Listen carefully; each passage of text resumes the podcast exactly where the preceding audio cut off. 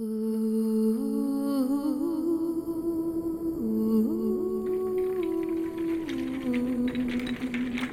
u wel eens een voorspellende droom gehad? Ik wel.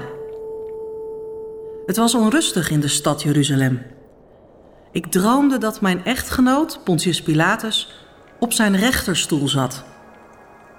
Tegenover hem stond een man die ervan beschuldigd werd zich voor koning uit te geven. En ik hoorde mijn echtgenoot zeggen: Ik was mijn handen in onschuld en lever hem aan u over om gekruisigd te worden.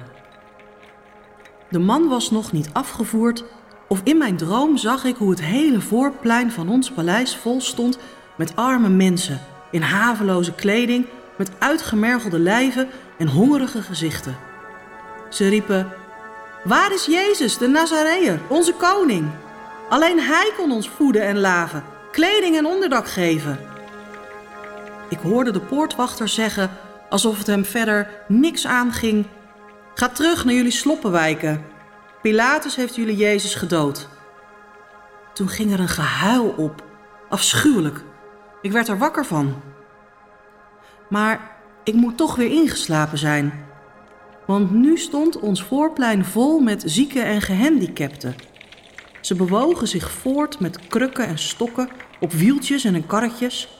Sommige van hen waren zelfs op bedden hierheen gedragen. Ik hoorde ze roepen: Waar is Jezus, onze koning? Alleen Hij kon ons helpen. En weer riep de poortwachter op zijn ongeïnteresseerde toon: Ga terug naar jullie hospitalen. Pilatus heeft jullie Jezus gedood. En er steeg een hartverscheurend gejammer op. Ik werd er wakker van. Nu stond ons voorplein vol met gevangenen. Ze rammelden met hun kettingen en trokken aan hun bewakers. Waar is Jezus de Nazareër, onze koning? Alleen Hij kan ons verlossen. Ga terug naar jullie gevangenis. Pilatus heeft jullie Jezus gedood. En er steeg zo'n beangstigend, woedend gebrul op dat ik er weer wakker van werd. En nu, nu stond ons voorplein vol met doden. Het klikkende geluid van de beenderen was griezelig om te horen. Waar is onze koning, Jezus de Nazareër? Alleen Hij kan ons het leven geven. Ga terug naar jullie graven, Pilatus heeft hem gedood. En er trad zo'n oorverdovende stilte in dat ik klaar wakker was. Kunt u zich mijn angst en verbijstering voorstellen toen de volgende morgen vroeg die man, die Nazareër, inderdaad aan Pilatus voorgeleid werd? Ik verbleef in een aangrenzend vertrek en liet mijn echtgenoot een briefje bezorgen. Laat je niet in met deze man. Ik heb vannacht in een droom veel om hem moeten doorstaan.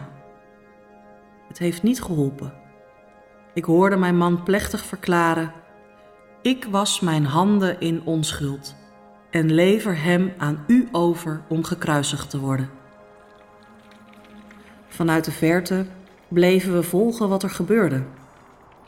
Diezelfde middag hoorden we dat hij al gestorven was.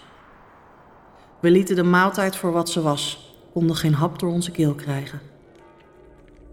En toen, daags na de sabbat, was daar het gerucht dat hij was opgestaan uit de dood, dat hij leefde. Oh, als dat eens waar mocht zijn. Ik ben naar een van zijn leerlingen gestapt, Matthäus. Ik kende hem wel. Hij was vroeger tollenaar geweest en dan kwam hij op het paleis de belasting afdragen. Hij ontving mij hartelijk. Welkom, zuster. Wat brengt u hierheen? Ik hoorde dat Jezus uit de dood zou zijn opgestaan. Kan ik hem te zien krijgen?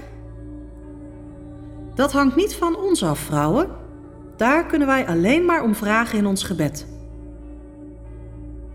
Ik zou mij graag bij jullie aansluiten om iets goeds te doen voor de armen, voor de zieken, de gevangenen, om mensen te helpen die hulp nodig hebben. Dat verlangen, vrouwen, dat is zijn stem die in u spreekt.